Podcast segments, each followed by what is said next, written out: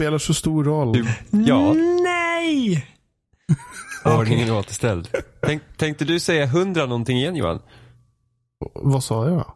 Du sa 210 men du tvekade. Gjorde jag det? Nej, jag tycker Gjorde inte. det. Nej men du tycker fel. Oliver. Jag, tr- jag, jag tror jag tvekade om numret överhuvudtaget. För det är alltid sån här typ så här. Det var en Detaljer. etta med. Det var nära. Ett huvud, hundra. Jag har ingen aning. Så är vi, fick mig att gäspa. och så är vi jag, Oliver också. Hallå Sa inte mina vänner. namn? Jag vet inte, det kanske ni gjorde. Medan jag Jag skrek. sa ju, sa jag inte Oliver? Det Ja, jo det sa du. Ja, då missade jag det. Oliver var, alldeles, Oliver var alldeles för... ehm, Kränkt. Ja, det var alldeles för viktigt att protestera än att lyssna på vad Ni faktiskt sades.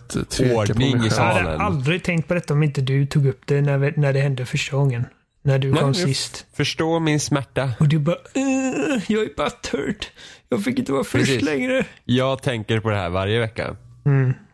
Ja, det kommer jag också Allt göra är en tävling. Spe speciellt när det är över någonting jag absolut inte ens kan kontrollera. Ja, ja. Hur är läget? Det är bra. Det är bra. Jimmy är sjuk Jimmy. som vanligt. Nej, jag är... Fortfarande diabetes. Jajamän. Mm. Blir aldrig av med. Nej. Forever sjuk. Ja, för Har, alltid. har du haft några eh, blodbad eh, innanför dörren på det senaste? Nej, det är inte mer än att eh, snorungarna som bor i huset slänger skräp i hissen och sånt fortfarande. Men annars Ja, är det Och med snorungar så menar jag faktiskt vuxna människor. Det spelar ingen roll. Du låter Eh, nästan som sur gammal gubbe. Jag är väldigt sur när det kommer till det. Det är liksom, det är inte svårare än så att slänga det i papperskorgen som står Nej. precis utanför hissen. Men jag, jag, är Eller ta också med det in i sin lägenhet. jag är också så här, jag fattar inte, fattar inte hur svårt det kan vara. Alltså, hur hamnar man i en sån situation där man alltid skräpar ner i hissen?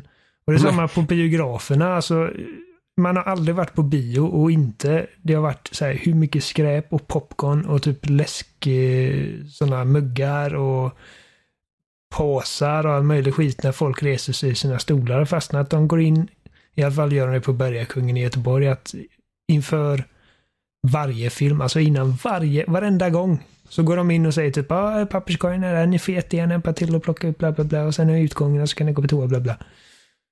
Och ändå så är det skräp överallt. För det kan någon annan fixa. Jag skäms.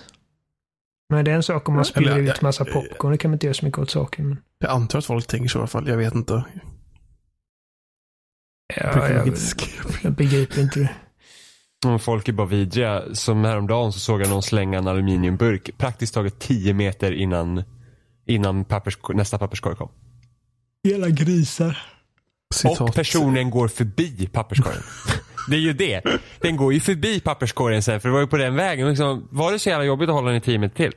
Jag vet inte om det är någon sorts anarki då. Att man gör som man inte ska göra för att... Det är ett statement. Och men statement för vad då? Jag är dum i huvudet. Det är liksom, jag blir, så- jag blir så jävla sur. Jag vet ganska många saker som det slutar med att det är, det är så typ. Ja, men jag blir riktigt, jag blir fan riktigt provocerad alltså. Det är så jävla liksom, ska alla bara sköta sig så ska det vara lugnt. Har du, någonsin, har du någon gång skräpat ner i ett spel? Det gör man det. Nej. Jag vet inte. När kan man skräpa ner i spel? Ja, jag kan. I Half-Life 2 så blir man ju Ap- ombedd att, precis. att, sl- att Apropå slänga anarki. Släng den där jävla burkjäveln på vakten. Combine så jävla galna. Uh, men, men okej, räknas det ifall man typ lämnar ett uh, body count efter sig så har jag skräpat ner rätt mycket. Men nej, typ så här blod och inälvor överallt då. Dumpar massa skit i sitt inventory i Skyrim. Ja, Ja, men somliga gick runt med hela inventoriet. ja just det. Ja, det var en pik mot mig ja. Mhm. ja. Jag visste inte att När, det... när Oliver inte visste att man kunde fast travela och hade bara plockat på sig allting och gick runt overcumbered sen i Skyrim. det, det tog mig en halvtimme att komma till närmsta... Men kan man liksom. fast travel när man är over and covered? Nej, men han, anledningen- han har inte fast travelat innan det heller. Det är ju det.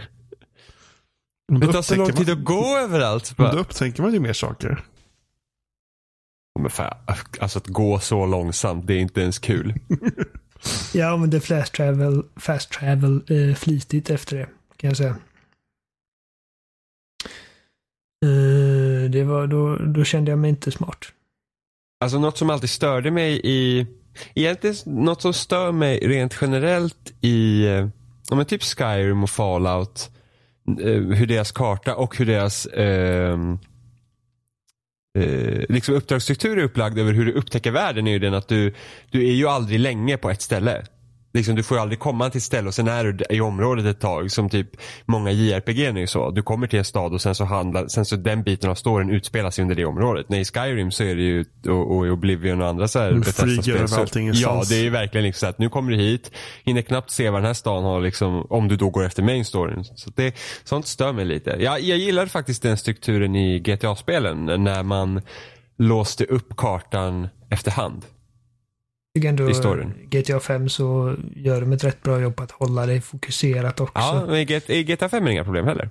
Ehm, Eh, och där Eller- är eller det ändå Red rätt så bra med tanke på att de hade kartan upplåst från början. ja. Så kändes det ändå som tre helt olika områden beroende på vilken karaktär man spelar som. Så Men- det var, det, det var också bra gjort. Rockstar är duktiga på det här med att liksom eh, pacea ut uh, patches of ground. Alltså, eh, jag har blivit så engelskt skadad. Jag kan inte prata svenska längre. Rockstar är bra på att placera ut eh, olika eh, miljöer så att man liksom man, man har uh, storyn fokuserad där ett tag tills man kommer ner vidare till nästa ställe. Så gör det liksom att det känns som att man får se nya grejer hela tiden. Men, men inte det bara det, det känns som att man får lära känna ställena också man kommer till. Ja, de bara man får en relation förbi. till det. Och liksom Men- just det att Men, men är det för att Befästa liksom är fast med den här idén att du ska kunna göra liksom vad som helst? Eller liksom, du ska kunna hoppa över till något annat? Eh, Jo, fast det är inte ens main storyn håller dig på ett ställe. Det är ju det. Nej. Om du följer main storyn helt och hållet så får du också liksom åka. Så, så liksom går det ganska raskt undan. Det är ju inte, det är ju inte ett problem som har att- bara för att man har en öppen värld och liksom har allt upplåst från början behöver det inte betyda att det kommer bli så. Det, det handlar ju om eh, design helt och hållet. Precis Mm. som eh, Rockstar bevisar och som även eh, Witcher 3 gör ju också rätt bra. Liksom att du, du, du har White Orchard där i början och sen så kommer du till Vellen. Och även om du har tillgång till Novigrad och de här ställena då så, så du rör dig inte där så mycket för att du har inte så mycket anledning till det där vid den punkten. Sen när man väl kommer till Novigrad så lämnar man inte Novigrad på typ 14 timmar.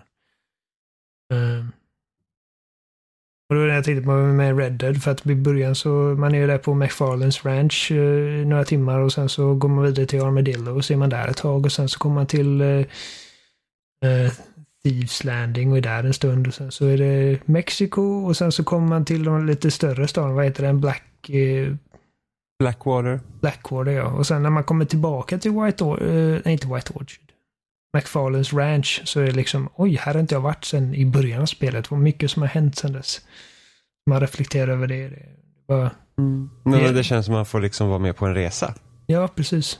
Det är det jag tycker om med ofta så här JRPG och sånt. Det känns alltid som att man är ute på ett stort äventyr. Så man går från Men i, i Bethesda spel så, de, de har ju gjort mer sådana saker, men ofta har det varit att det har inte liksom hänt så mycket i världen. Alltså, det är quest-saker, men mycket förblir. Uh, på ett sätt. Men de i, bör- alltså i Fallout 4 så kunde man ju låsa upp områden, eller liksom här, um, man gjorde det här fortet och sådär. Uh, man byggde saker själv, men oftast i deras spel så händer det ju inte liksom någonting än som förändrar världen riktigt. Fast egentligen har de ju världs liksom förändrande quest men det är bara det att det påverkar ändå ingenting. Som i, Mm, i Skyrim har det här inbördeskriget som man liksom kan slutföra och folk liksom pratar fortfarande som att båda personerna lever. Som är med i det fast det är liksom man har slutfört det och det borde liksom ha skett någon sorts påverkan. Så, så de borde ju ta en kombination av att faktiskt förändra världen på något sätt. Eh, när stora saker händer. Och att pacea ut det på något sätt så att man upplever olika miljöer. Eh, på ett annat sätt. Mm, det, det, det är en grej som jag tyckte jag vet att jag pratade med Jimmy om förut, men liksom i Assassin's Creed-spel. Eh, just det här att de indirekt uppmuntrar mig till att liksom gå och ta alla de här utkikstornen redan från första början. Jag i, vad fan heter det spelet? Unity? Frankrike va? Ja. Eh, precis. Där, där, där kände jag liksom ingen koppling till den världen överhuvudtaget. För att jag, jag kan liksom inte slappna av när jag bara ser att det, det är bara massa ikoner här och jag ser ingenting. Eh, det är liksom ett lager av eh, skit eller på att säga. Men det är liksom, du, du, du ser ju inte kartan förrän du har gått och låst upp alla de här utkikstornen. Så att jag kan liksom inte slappna av och fokusera på annat eh, förrän jag har gjort alla de tornen. Vilket betyder att när, när jag är klar med allt det så har jag sett allt. Utan att reflektera över något. Ubisoft-modellen. Jag menar, Mm. De har inte gjort så för alla spelare. Origins eh, hade de inte det. Så, hur var det? Nej, precis. Utkik, Nej, det fanns utkikstorn, där- men de Precis, fungerade inte du Mm. låste bara upp dem som fast turn-punkter. Mm, precis. Eh, men Origins har samma problem som Skyrim och Fallout. Ja, men där, Det där är har att du du, mer du liksom, liksom... du- Är, är, det, är det snart dags för ett nytt Elder Scrolls eller? Inom typ ett par år typ? Eller något. Det känns som Ja, att alltså- allting tar längre tid nu. För att, eh, tekniskt sett så borde, så borde ja, GTA 6 borde väl komma ut i år ifall de följer samma modell. Det har gått fem år sedan, sen GTA 5. Det är, helt- det är helt sjukt för jag kommer ihåg när GTA 5 kom. Då kändes det som att nu är det jävlar i mig dags för ett GTA. Ja, Och jag har då, då har de haft och jag har GTA liksom- 4 i en evighet. Ja, och jag har liksom ingen... Jag har liksom, alltså, jag har, jag, ske, ske, alltså jag skänker liksom inte GTA 6 en enda tanke ens. Nej, inte jag heller. Inte direkt. Men, men, det, men på samma gång så är ju det spelet är verkligen fortfarande... Aktivt, ja. Så de har Ja. inte behövt liksom, de, de behöver ju inte gå vidare från det riktigt ännu. Även om... Nej men för vår helt- del, för vår helt- del, vi spelar inte GTA. Nej, nej, men Nej. alltså för, för Men man- deras eh, business model liksom. Men, Men man, man hörs, alltså när ett spel liksom kommit ut så kommer det in. Man, GTA 5 hör man liksom om hela tiden. Man ser att nu kommer något nytt paket med några nya bilar eller någonting sånt där. mm. Eh, De, är, de, de syns hela tiden på något sätt. Jag är helt, upp, helt övertygad om att de håller på med GTA 6. Ja, förmodligen. Det är bara att de, de har väl inte känt att de måste hålla sig till den här femårsmallen. Nej, men nu kommer ju Red Dead 2. Så, Ja, just det. så det blir Red Dead 2 och sen kanske vi har GTA 6 som kanske är två, tre år efter det. Mm. Ja, det låter rimligt. Beroende på vad som händer. Eh, Det är inte säkert att GTA 6 kommer ut ens den här konsolgenerationen. Det är Nej, det det inte. inte det. Nej, det är inte heller säkert.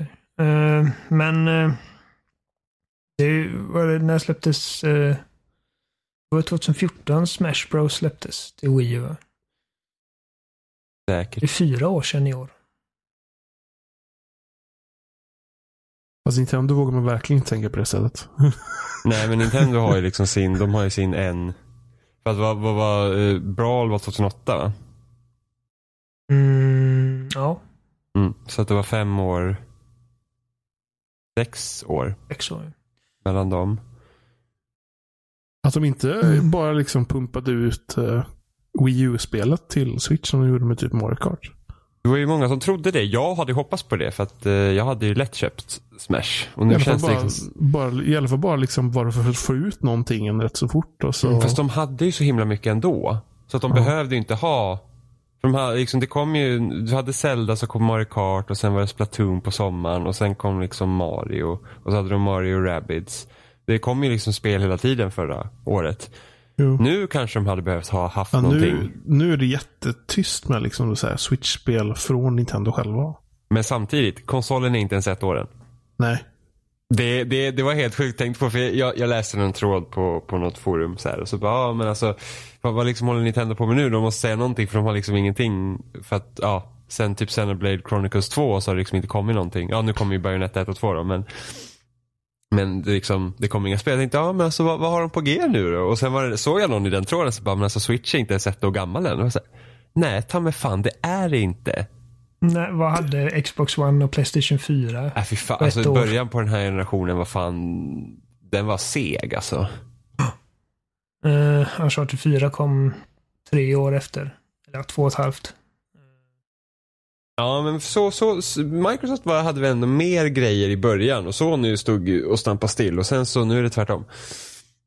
Alltså, jag, ty jag tycker det är fascinerande med Switch överhuvudtaget. Just när jag kollar på sociala medier och folk som köper spel till sitt Switch. Hur mycket spel de köper. Av alla de här mindre spelen som kommer och icke Mm. spelen Folk typ lägger ut skärmbilder på deras hemskärm eller så på Switch. Det är hur mycket spel som helst. Mm. Så folk verkligen... Och det har att göra med att folk vill, liksom, liksom, de vill kunna spela de här grejerna. Ja. Även om de har dem på andra format så vill de kunna spela dem på bussen. För att, Att, ingen har gjort det här innan dem egentligen. För att det har gjorts så här, typ så här Kina, akt, eller Kina-konsoler som är typ liknande till någon Android-historia och så slänger på, på så slänger de på ett... Men, och så, och så slänger, de på ett, par- slänger de på ett par så här kontroller på sidorna och sådär. Mm. Eh, och det känns som att det är fascinerande att ingen har, folk har liksom nosat på det innan. Eh, Alltså Vita var ju, alltså i Vita var ju ett försök. Ja. För, alltså Sony marknadsför som att ah, men nu ska vi ha liksom konsolupplevelser på bärbart. Och det blir, alltså den, den maskinen var ju liksom inte tillräckligt bra för det. Eh, Wii U var väl ett halvt försök. Ja. En sån Wii U borde ha varit. Switch. Fast ja, jo men problemet med Wii U var ju det att alla, alla spel kunde inte bara köras i dosan och grejer. Och... Men ändå, ändå liksom var en sak som de pushade liksom där att när dina föräldrar kollar på tv så kan du fortsätta på. Ja, sen hade den till den här TV-appen eller vad det nu var. Som, som, som skulle, fan det var nu för grej. Det var en tv-knapp på eh, gamepaden. Ja, då var det att man skulle kunna köra tv-kanalerna i switchen eller någonting sånt där. Ja, ja, det var ja, Xbox One innan Xbox One. Du kan använda din eh, gamepad för att byta kanal och grejer. Höja ljud. Men jag kommer ihåg eh, jag kommer ihåg när Wii U var ny för att Netflix lanserades ju i Sverige samma år, eller samma höst Ja, som Wii U kom ut. Så att jag kollar ju väldigt mycket på eh, Netflix i gamepaden. Jag satt och spelade Call of Duty Black Ops 2. Och eh, online med Sebbe tror jag det var. Eh, och så eh, hade jag gamepaden bredvid. Stående så spelande Little Britain. Typ timme ut, timme in. Det var, det var roligt. Det känns också helt sjukt liksom att innan 2012 så fanns inte Netflix i Sverige. Eh, man vänjer sig snabbt vid lyx. Ja, Mm. ja men det är så. Det är samma sak som att ja, innan 2005 fanns inte YouTube. Nu ser inte jag vad som är 4K längre. Jag bara ser vad som inte är 4K. Ja, Jag, jag ser nog skillnad fortfarande. Men Jag ser skillnad. Vi sätter ju två bredvid. Men, men det är liksom nu när jag spelar ett 4K-spel så tänker jag inte längre åh vad skarpt det är. Det är bara så det ska vara nu för mig. Allt annat är bajs. Om det inte är 4K så är det ospelbart. Nej. Jag tycker faktiskt inte att det är så farligt att, att skifta mellan eh, en vanlig 1080p och 4K. Men, tänker du på film då eller spel också? Nej, Film är fan, det är överreklamerat med 4K-film. Jag köpte Spider-Man Homecoming på 4K Blu-ray och där ser jag knappt skillnad. Alltså. Det känns som, jag tycker som att HDR gör så skillnad där. ja, jo, HDR gör skillnad ja. Ehm, ja. Men med film så, jag, jag kommer inte köpa fler 4K-filmer. För jag, jag tror att det är nog mer för ifall du har en projektor hemma. Och Men verkligen har du ett, liksom har du ett One X då 200 eller? Ja. Men det är väl inte, det är väl inte så många spel som kör i faktisk 4K va? Det är väl uppskalat del. i olika varianter. En del eh, Olika, gör det. alltså Gears of War 4 körs väl 4K native. Och Forza 7 gör också det för mig. Uh, Halo 5 gör det. Mm. Det Det är är nice. imponerande hur mycket kraft de kunde trycka in i den lådan alltså. Jo, Ja, jag testar ju. Jag testar ju, jag har inte med mindre än original Xboxen. Ja. Eh, jag testade i Fortnite Battle Royale nu, för nu, nu fick den också 4K-uppdatering med eh, 60 FPS. ja, det måste testa det sen. Eh, så det känns jävligt bra att köra. Men ärligt talat, det spelet har blivit så populärt nu så att det är liksom, nu finns det strategier i det spelet som Jag gör att jag vet. tycker att det är som gör att jag tycker att det är tråkigare. För att nu, jag har kört några solomatcher nu för att det är det jag tycker, alltså jag tycker, jag vill inte spela liksom med randoms i lag för att jag, Nej, då får man köra Nej. med kompisar. Och det visar sig att nu finns det en strategi så att när det är få spelare kvar på banan så bygger alla eh, liksom ett torn. Så de, Ja, som de bygger upp sig. torn och så hoppar man upp och man säger alltså, det här är ju skittråkigt. Det här är ju liksom, det här tar bort allt vad jag tycker är kul med det här läget. Du vet den här liksom pressen och typ svett makten över att man liksom är så få kvar. Man säger, ja, jag är inte ens orolig längre. Man står där i sitt torn och sen hoppas man att man liksom kan ändå hålla sig typ lite undan så att ingen ser en. Så att jag, jag har kört fyra och så matcher och jag har varit topp fem i alla dem. Eh, men folk har blivit så duktiga på att skjuta på det spelet så att de liksom, alltså det är helt insane. Jag har liksom inte en suck. Jag har inte spelat det mycket alls. Eh, och så hade jag en paus där på några veckor. Men så körde jag det med Sebastian. Eh, först, hans första match. Eh, och han hade ju spelat eh, PubG och så, så han förstod ju liksom grunderna till spelet. Så att det var inte så att man behövde lära honom så mycket av hur det fungerar. Utan det fungerade rätt bra. Vi klarade oss helt okej. Okay. Men sen så var det han och jag och sen jag tror, sex spelare till mot slutet. Och så kommer vi där och så, så har vi tre olika torn. Så, man ser liksom att de bygger upp upp, upp, upp, upp och liksom och sätter förstärkningar och jag bara alltså. Jag alltså. Jag vet inte vad jag ska göra nu. Vi blir tokägda liksom. Vi hade ja. inte en suck när de stod alla och snipade ner på oss. Nej, men, men det, det, är liksom inte en, alltså det är inte roligt. Nej, jag. Jag, jag, liksom det... jag vet inte, det är... Uh, just det här att man kan bygga och Jag förstår att det är det som gör Fortnite till Fortnite, men det där uh, hade jag fan kunnat leva utan. Alltså. Nej men det är när man sätter, och det kan jag ofta tycka att med, med många spel att de är alltid roligast i början så här, innan man lär sig och så här, så här ska man göra för att det, det är så man gör helt enkelt. Och speciellt nu, liksom, folk bara bygger torn och man säger jaha, Alltså det, det är liksom det här, det, det, är liksom ing, det finns ingen det, spänning i det hela. Alla vet att alla är. jättehöga torn då liksom? Eller ja, vad? du bygger liksom fyra väggar och sen så bygger du en ramp och så hoppar du upp och sen planmark så du får liksom en våning och så fyra väggar och så upp. Alltså du bygger upp det så hela tiden. Och nu är det förvisso, tar du sönder väggarna längst ner så kommer hela tornet rasa för att liksom mm. basen försvinner. Mm. Eh, men ändå, du ser ju vart alla är. Alltså en del som är så spännande när du kommer så långt är det att om man tänker då PubG där du inte kan bygga, det är ju det att du, har, du kanske inte vet vart personen är någonstans. Eh, och det är den liksom effekten jag söker efter när jag spelar där. Men sen så PubG har liksom andra problem och så, jag är så jäkla trött på att luta i början på den här jävla matcherna. Ja, jag med. Eh, liksom att det blir liksom inte... Jag vill liksom spela de sista fem minuterna av varje match och skita i resten. Alltså lika med ett vanligt, vanligt deathmatch-spel. Ja, så jag, jag, kan lika gärna skita i det. Jag, jag, jag bara springer runt liksom. Nej, men jag kan tycka att det, alltså, förut tyckte jag det var kul att spela själv. Nu, nu känner jag att nu, det, jag, jag känner liksom ingen glädje att liksom nöta dem själv. De ja, liksom, du borde kunna fixa det där liksom delvis genom att typ sätta någon gräns på i alla fall hur högt du kan bygga. Men jag tror inte att de vill, jag tror inte att de vill göra det. Eller jag tror att det finns någon gräns för hur högt man kan bygga. Så alla bygger det. inte så högt. Mm. Men jag tror inte att de vill göra det för att det är liksom det är en del av spelets identitet nu. Jo, fast om det liksom slutar med att, att varje match slutar på det sättet mm. så Men jag tror inte att det är så när man spelar eh, större, alltså när, när man spelar solo är, är, är, tror jag nog att det är vanligare än när du, när du spelar annat. Mm. Men ja, oftast är det ju så alltså... att när man typ kört squad så är det ju liksom det brukar alltid vara ett lag som hittar att ah, men här kommer typ ringen sluta i mitten och så har de byggt ett stort fort där och sen så har de övertag. Ja, alltså jag, jag, tror att de, de uppmanar ju till det här liksom basbyggandet. För det var den senaste trailern de släppte. Den senaste vet jag inte, men den senaste jag såg. Det var ju två lag som bara stod med varsitt fort på varsin sida av kartan typ. Så att just det här liksom att man ska bygga in sig, det är ju en del av spelet. Mm. Det har förmodligen alltid varit det för dem. Bara att tog folk att lära sig. Jag tänker just liksom när det slutar med liksom att det blir folk gör liksom ett ton var. Det, just, det låter så tråkigt när det liksom så ska sluta på samma sätt varje gång. Ja. Det är jättetråkigt. Men sen har ju folk blivit så jävla duktiga också. Jag hoppade in i en mm. match tidigare och det var han, han skulle liksom verkligen ha mig. Det var inte så att han var försiktig för att han såg mig utan han visste att han var så pass duktig att han liksom kunde utmana konstant. Alltså jag höll ju fan på att skita ner mig. Jag, jag, jag, bara, jag, jag, jag har inte spelat det här på månader. Men det ska väl släppas, det PVL-läge ska det släppas i år någon gång så tror jag. Ja, det ska väl bli free to play någon, någon gång. Jag vet inte jag är av det. Oj. Faktiskt. Men det, det är lite, alltså jag känner att den genren är inte riktigt någonting jag... Alltså, att den har blivit så stor är liksom fascinerande. Jag känner väl att det är lite, jag vet inte.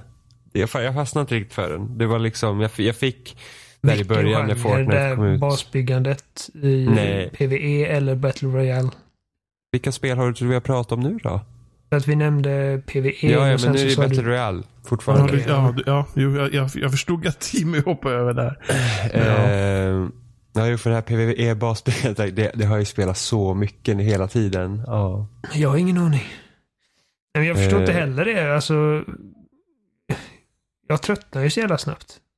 Alltså, jag vet att du och Robin, ni spelar ju Fortnite eh, dygnet runt där ett tag och jag bara, vad fan, hur orkar ni? Jag bara, att- man bara spanar på det här. Antingen blir man superägd redan de första 30 sekunderna eller så har man liksom 20 minuter där ingenting händer. Det är inte roligt. Men Fortnite är lite bättre på det som kartan är mindre. Ändå har jag lyckats i de senaste matcherna jag kört att typ inte träffa på en jävel förrän i slutet. Ja.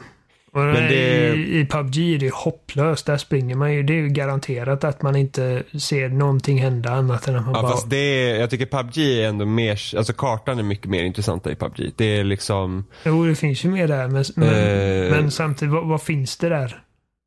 Jag menar, förutom att, okej, här har vi ett eh, lägenhetskomplex som ser lite annorlunda ut från det andra lägenhetskomplexet jag precis var i, där det inte fanns ja, någonting det, av det är en värde. helt annan spänst i PubG än vad det är i Fortnite just nu. Fortnite har verkligen gått den här arkad-hållet. Medan PubG Mm. är, är, alltså det är liksom så att det är tillräckligt svårt att skjuta för att det fortfarande ska vara nervös när du träffar en annan människa. Jo, men det, det där är ju fel, fel sätt att göra det.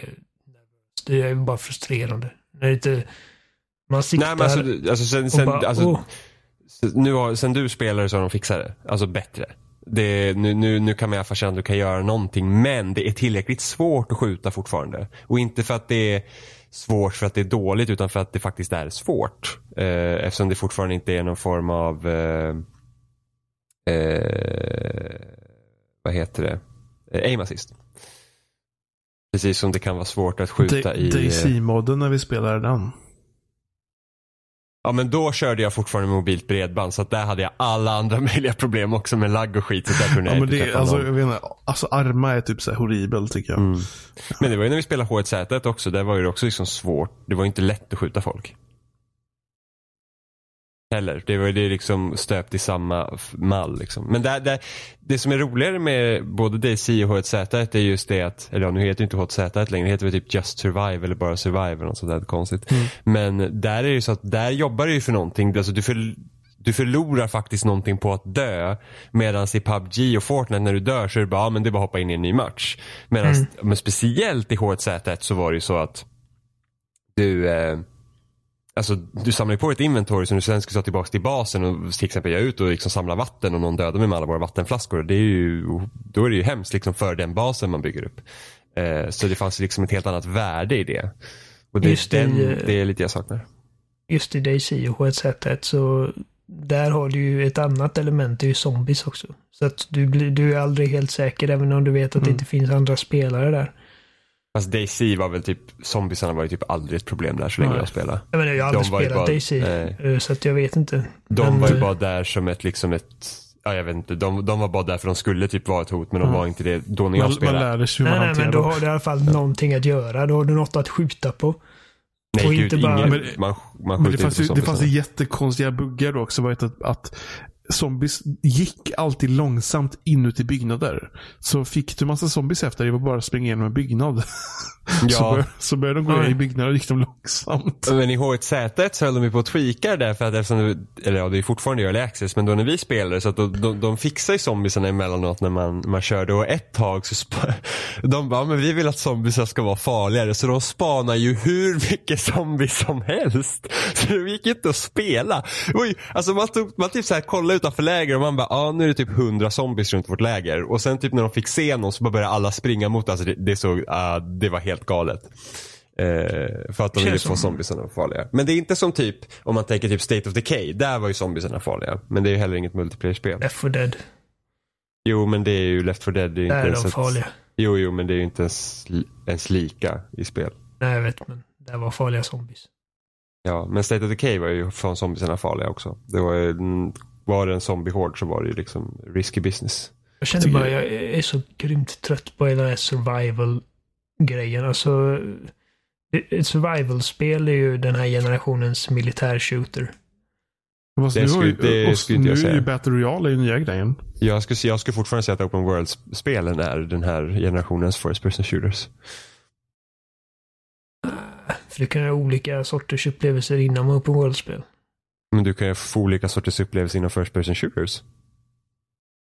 Men, men nu så är mi- militärshooters specifikt. Ja, inte jo, men bara okej. alla shooters. Fast i och för sig, de flesta open world-spelen är likadana. Du har en stor öppen värld, du har meningslösa sidequests och du har massa collectibles att samla.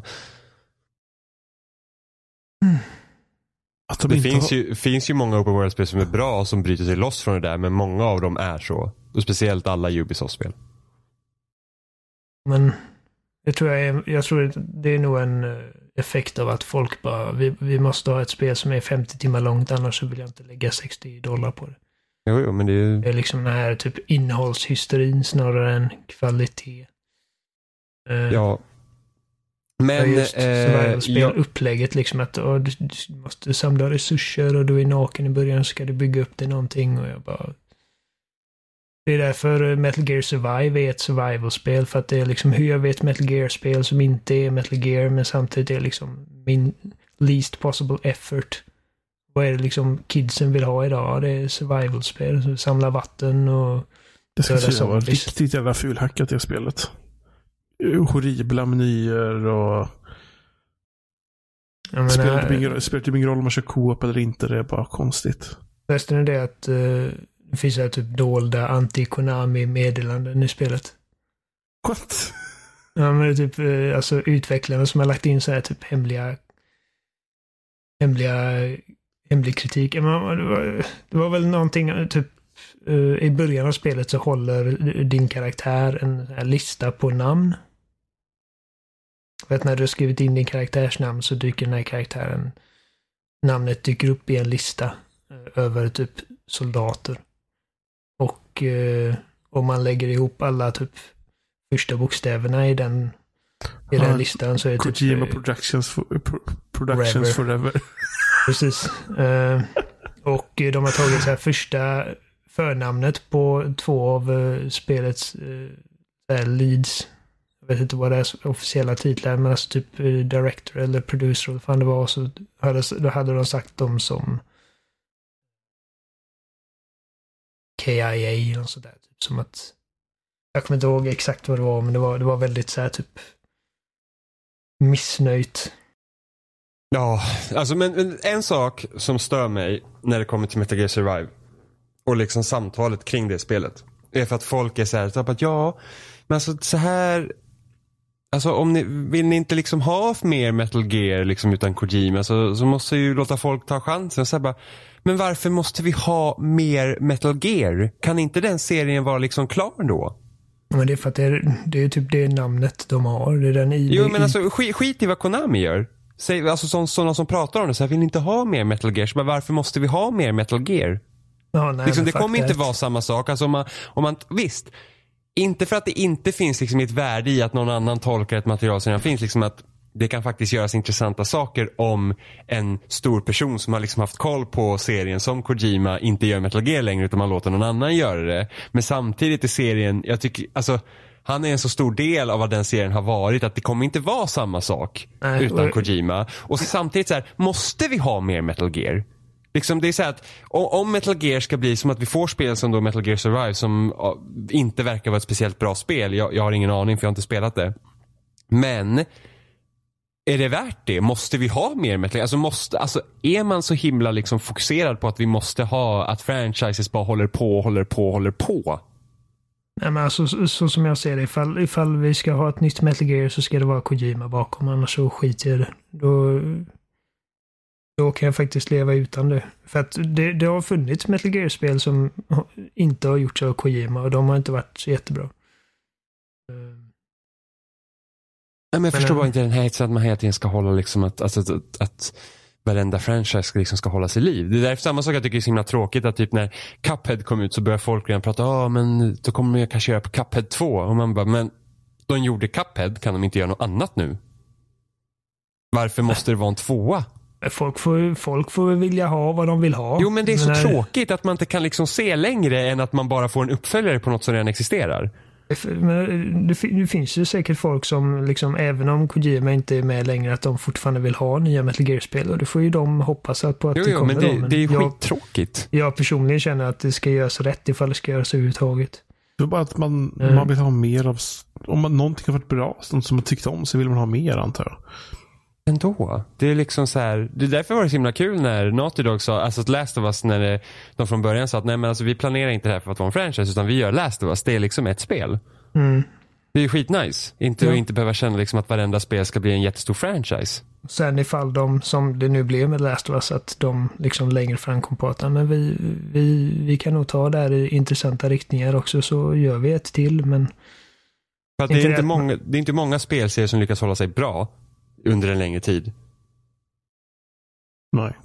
Det är liksom typ, ja men vi har ju, alltså Nintendos spelserier eh, brukar ju hålla i sig men det är bara för att de, de gör spel lite annorlunda även om, de är så, eh, Nintendo-spel är ju så löst kopplade till varandra, så Precis. de, de, de målar aldrig in sig i ett hörn någonstans. nej men ta, ta Eh. till exempel Dead Space, det blir bara sämre för varje del eller Mm. eh, Assassin's Creed.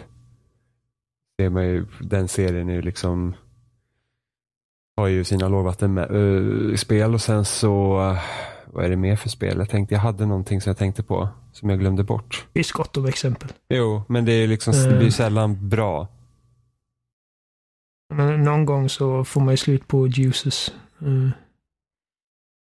Så här var det, alltså nu har jag kollat upp exakt vad det var för eh, så här dolda meddelanden. Det var KGP Forever. Nej, Pay. KJP uh, eh, Forever. Kojima Productions Forever. Och sen var det två namn som dök upp i den här listan. Det var Bastard Jota och Cunning Juji. Uh, och det är director och producer Jota Tsu, Tsu, Tsusamisaki. och Yuri Kur... Jag kan inte uttala de här namnen. Korekado. Eh, och de är listade som AWOL ungefär som att de är liksom, de är borta. Eh, och även ifall man lägger ihop namnen Iron Marlin och Dire Gibbons får du Metal Gear och de är listade som KIA så att Metal Gear är dött. Ja. Att de på Konami som fortfarande sitter där för att de förmodligen bara, men vi måste ha jobb, så vi gör det här spelet. De, eh, de vet nog själva liksom att, men, det här kanske inte är liksom exakt vad vi hade drömt om att göra. Nej, det... Frågan är om, om de kommer fortsätta göra någonting sånt här. Jag tycker ett- ett tecken man sett ifrån från Konami överhuvudtaget har varit att de inte vill lägga ner någon typ energi på, på spel överhuvudtaget. Nej, men det, de har ju, det de har ju sina Pachinko-maskiner. Uh, jag Metal Gear Survive verkar ju vara ett bevis på att de inte är liksom jätteengagerade där längre. För att det, nej. det skulle ju lika gärna kunna vara en expansion på femman. Men då är frågan vad som händer efter det här. Förmodligen ingenting. Om inte bara det, varför ens påkosta utvecklingen av det här Ja. spelet? ja, det är det som jag tycker är Det är konstigt. det jag tycker är jättemärkligt. Men Det är liksom- förmodligen för att de vet att det, det, det kommer bli billigt att utveckla för de återanvänder typ allt från femman. Ja. Och sen lägger in zombies. Och det kommer sälja för att det är Metal Gear på. Så det är liksom en säker profit. Det, för det var ju liksom Metal Gear Solid 5 var ju inte garanterat att generera pengar för dem. Det har ju förmodligen kostat dem liksom massor och massor och massor av pengar, det spelet. Utveckla motorn bara. Bara motorn kostade pengar och sen så, alltså alla de åren det tog för att få ut det spelet. Och, och att det, när det släpptes var det inte ens färdigt så att det hade ju liksom behövt slussas in än, ännu mer pengar i det ifall eh, Kojimas eh, liksom riktiga vision skulle ha blivit realiserad. De satte ju förmodligen stopp men vi, vi kan inte lägga mer pengar på detta just nu. Ehm, eh, men Metal Gear Survive är ju, alltså det är ju hur lätt som helst. Bara ta, liksom, ta det vi gjorde med femman, släng in zombies och typ eh, så här resource management så har vi ett spel.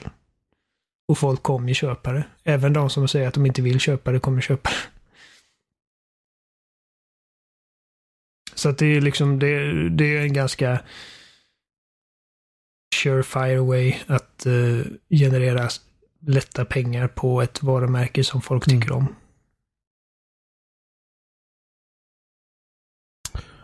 Ja. Vi ser ju liksom eh, typ eh, Silent Hills. Det var ju, det var ju lite av en gamble. Det är inte säkert att det hade genererat massa pengar.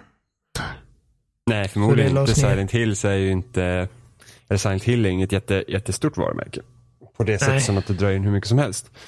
Men de slängde ändå bort all bass som liksom genereras via Jävlar PT. vilken bra, alltså, vilken bra början de hade för sin PR-kampanj för det spelet. Alltså det, det demot Mm. var ju helt briljant. Eh, Ja. Jag skulle vilja ha en remake på Silent Hill 2. Alltså en, en, en ordentlig remake. Kan vi inte bara fokusera på nya grejer? Varför tänker du inte längre näsan några? För du bara tänker på om man får en remake på Silent Hill 2 för det är ett bra spel Oliver. Det är så här, vi, vi alla säger att vi vill ha originalitet Jag sa inte att jag vill ha Silent Hill 8. Jag vill ha Silent Hill 2 igen. Ja, ja, Det är redan ett beprövat koncept. Det är mycket bra. bättre. Det är ett bra spel. Det är mycket bättre. För att det är svårt. Eh. Alltså visst, förvisso så. Det finns ju att eh, HD-utgåvan finns ju på 360 men det är ju inte. De hade tappat bort en del av spelets eh, originalkod. Så att det ser ju lite annorlunda ut på vissa ställen. Så det, inte, det går liksom inte att spela det spelet ordentligt. Men är, är det inte lite så att man, man, eh, man höjer näven för originalitet och nya grejer, men så fort någonting man faktiskt vill ha utan att säga så är det bara okej, allt är förlåtet. Ja, fast jag stör mig inte så mycket när det kommer liksom återutgivningar. Det tråkigaste är ju när nya spel som kommer också är återutgivningar av Ja. beprövade koncept. Jo, det, det, jo, tror- men, det, det, tror- alltså, det, och så är det en nostalg, nostalgisk koppling till något spel som man har spelat och så är det kanske eh, svårtillgängligt. Eh, eh. och så blir det så simpelt när det liksom kommer som Silent Hill 2 skulle komma liksom på, på Xbox One och PS4 så blir det så extremt lättillgängligt att köra hem.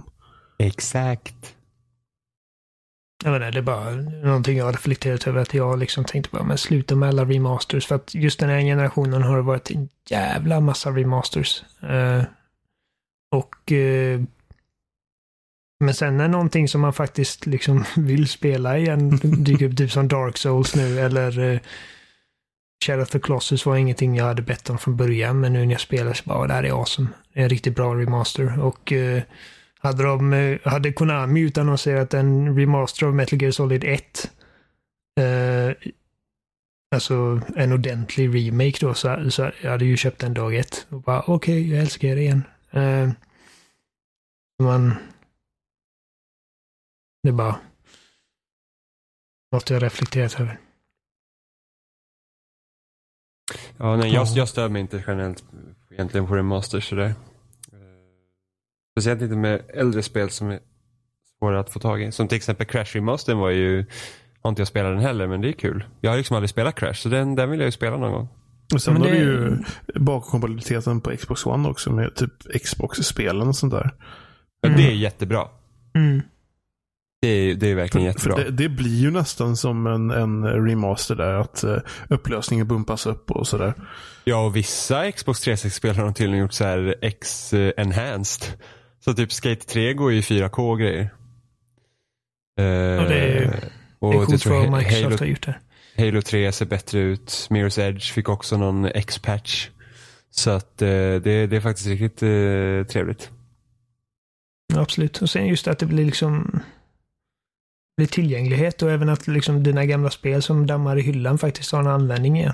Jag, eh, nej, nej, jag har aldrig spelat igenom Knights of the eh, Old- Republic förrän alldeles nyligen. Uh, jag har det på Xbox. Och jag hade glömt att jag hade det så jag var nära på att köpa det digitalt och sen så bara vänta lite. Den boxarten känner jag igen. Har inte jag det spelet så liksom, då, har jag- då har jag köpt det för jag hade aldrig en Xbox original. Uh, och uh, så hade jag köpt en 360 och så var jag dum och trodde att alla Xbox-spel var bakåtkompatibla och så köpte jag det och så var det inte det då. Så att det hamnade i hyllan och sen har jag inte rört det. Och sen helt plötsligt så var det bakåtkompatibelt på Xbox One och så spelade jag igenom det. Var hur bra som helst. Undrar när nästa liksom klump av Xbox original-titlar kommer till eh, Xbox One?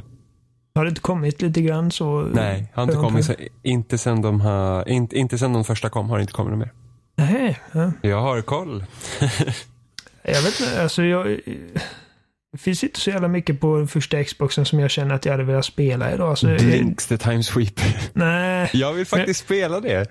När jag... eh, När det här med Xbox Originals eh, bakåtkompatibilitet bara var liksom en dröm så tänkte jag att ja, men Ninja Gaiden Black och eh, Nice of the Old Republic. Det är typ de två jag hade velat ha och det var de två jag fick. Så att, sen utöver det, jag menar Halo är helt meningslöst. Det har, det har man ju det har man i Master Chief Collection och eh, Mm. det är väl i så fall Nej, men eh, Escape from Butcher Bay finns ju också på 360 så det är lika bra att de gör det ba- bakåtkompatibelt. Vad finns det annars? Det finns säkert massor som folk som bara Åh, men det där och det där. Ja Det men bara, folk har ju för fan sen- ingen sen smak. så Det går inte att lyssna på tänker- folk. Typ, så här spel som typ Rare har släppt på, eller de har kanske inte släppt Nej men de Xbox. släppte typ ingenting. Det var ju typ, det kom väl något där. ehm, Remaken på... eh, Vad fan hade, nej Rare släppte väl typ bara ett spel på Xbox original va? Ja, det var väl remaken på, vad fasen heter det då? Grab- Conquer. Grab Ja den, nej okej, Conker-grejen och så var det någon till. Conquer-remaken och så var det väl där, uh, fan hette Men är det? med på den där um, Rare Tänker jag på Grab by the Collection-grejen? Ghoulies. Inte, nej, eh, på, eh, på Rare eh, Collection så är det faktiskt six, Nintendo 64-versionen av Conker och inte Xbox originalet. Jaha. Tycker det är lite Eh, synd. av den anledningen till att Nintendo 64-spelet är mer sällsynt. Det hade varit nice att ha det andra också. Alltså. Då, då får de ju fixa Xbox-varianten då. Det var rätt kul. Det var faktiskt rätt kul i multiplayer. Då, när man typ var, Ja. gammal var jag? Jag var 12, 13. När man liksom sprang runt som ekorre och sliceade huvudet av varandra. För det var ju liksom på den tiden punkten också man tyckte Happy Tree Friends var det roligaste som fanns. Så att, eh, eh, ja. Annars har jag aldrig klarat ut Conker. Jag har en faktiskt Rare Replay jag har faktiskt det inplastat i hyllan, jag har inte öppnat den. För att det är, så här, det är 30 spel till som jag bara så här, inte orkar ens ta tag i. så här Pandoras box, du vågar Ja men det inte. känns ju lite som det. Och det är så här, bara, var någon, någon gång så. Någon gång. Ska vi se. Uh, Conquer Live and Reloaded. Hette det Grab by the Ghoulies? Grab by the Ghoulies. Jo, det var det. Och sen så Sen så kom ju Cameo och Perfect Dark till 360. Ja. Och Viva Pinata. Banjo Kazooie, Nuts and Bolts. Usch, för det spelet. Inte bra. Inte bra. Besviken jag blev. Alltså den dagen de utannonserade ett nytt Banjo så var det liksom, jag ska ha en Xbox. Jag har ju inte ens spelat Nintendo 64-spelen av Banjo. Eh, Alltså, de, är de så roliga idag? Ingen aning, jag har inte spelat dem. För att bara springer runt och samlar massa saker. Ja, det, låter, så- det låter som alla andra spel som Ja, det släpps har nu. du ja. Jag, jag har haft svårt att liksom, jag menar jag... Nej, jag har spelat dem flertalet gånger även i vuxen ålder och det, har- det har aldrig varit riktigt samma sak. Men även om det blir så här lite, man får en nostalgisk liten kick i skrevet. Eh, när man kommer till vissa världar eller hör vissa Mm. stycken musik. Eh, men eh, Sen spelar jag ju ukulele och jag känner bara nej, det här är inte för mig riktigt heller. Kanske bara jag som har liksom gått vidare lite från den genren. Just det här liksom, för att eh, de har inte lika mycket plattformande som typ Mario-spelen har. Så att du är inte lika aktiv i världen, utan det är mer att du typ du utforskar den och så samlar du grejer. Jag vet inte, jag... Jag, jag, jag, jag har inte lika kul med banjo idag, men samtidigt så jag, jag hade velat ha liksom ett nytt banjo nu. eh, För att se hur ett banjo år 2018 hade sett ut. Var inte typ Yooka-Laylee det? Jo, det, det hör ju ukulele. Jo, det, det är ju det, men det är, det är också ganska, ganska rough rent tekniskt. Det känns inte så jättebra att hoppa runt och röra sig och om inte det Mm. känns bra så är det liksom... Ah, då funkar inte resten riktigt heller. Så liksom ett riktigt välutvecklat, påkostat... Ja, fast då är det bättre att du är för att typ göra Sea of Thieves och sådana Ja, spän- mer spännande jag grejer. Också. Jag, är, jag är riktigt uppspelt inför Sea of Thieves. Eh, Jag tycker att det jättekul att Rare får göra liksom någonting helt nytt som är bara helt deras grej. Eh, Och eh, låter dem eh, liksom sprida ut vingarna lite. Jag var så jädra osäker på det spelet allra första gången det visade. Jag bara, vad, fattar inte. Vad, vad är det där för någonting? Jo, men det, det, det, det är ju en sån grej som man, man måste testa det. Eh, För att liksom se värdet i det. Och även nu när jag har spelat det så är jag fortfarande osäker. Liksom. Ja. Jag, jag, jag är inte säker på att det kommer vara kul. Frågan är hur länge det Eh, kommer hålla. Är det. Ja, det, det är ju eh, den saken som... Ja, men samtidigt så här, finns det något Games as Service-spel som någon av oss tycker är kul? Alltså som vi tycker liksom att håller för det, för det ändamålet? Ja, det är jävligt kul med Destiny 2 eh, så länge det varade. Jo, men ja precis, så länge det varar. Men Jo, ni har, men inte alltså, kört, har ni ens kört expansionen eller? Nej. Nej. Och jag, tror inte att Eh. någon, jag tror inte att någon av oss som spelar det är intresserad av att gå till expansionerna. Men nu Nej, tänker jag specifikt att det, det ska, alltså nu, nu hantera inte Destiny 2 nu som vi spelar utan som, som att vi vill liksom klara utan hantera det som ett Games as Service. Finns det något sånt Mm. spel som, som har liksom lyckats med det? För oss? Nej, Mm. men jag tror inte att... eh, jag tror inte det har så mycket att göra med spelen. Det är bara att jag tröttnar på spel till slut. Det finns för mycket spel att spela. Jag, jag har inte tid att sitta och spela ett spel i ett år. Nej, nej, men du har ju inget heller en förhoppning att gå tillbaka. Och varför? Är det för att du inte har tid eller för att du inte vill? Jag känner liksom när jag, när jag har gjort allt vad jag känner att jag vill göra i ett spel så har jag gjort det. Mm, ja, men då så. Då, då är det väl misslyckat. Om det inte finns någon som håller Ja. kvar dig. Jo, men eh, det är väl med att det inte har lyckats grabba mig. Jag menar, uppenbarligen så finns det ju folk som... Ja, men jag bryr mig inte om de andra människorna. Jag frågar dig. Okej, eh, Fast så kan man säga med alla, Alla spel. här- Varenda alla de här- skitspel som finns kan vara det bästa spelet för någon. nej, men man får ändå ha någon sorts mätning på vad liksom misslyckande är. Alltså man kan inte säga att Banjo Nej, men jag misslyckats för frågar, att jag, jag, inte frågar, spelar det jo, men jag, jag frågar dem för dig och du börjar prata om alla andra. Ja, men jag trodde du menar... Ja. Nej, för mig, nej. Jag känner inte det. Menar, det, det finns ju spel jag återkommer till, men det är ju typ linjära eh, berättelser. Jag har spelat... men Jag spelade igenom God of War 1, 2, 3 nu förra månaden. Det var hur kul som helst. Och det har jag gjort en miljard gånger. Men... Eh, det här spel som... Så spel, Games as Service, det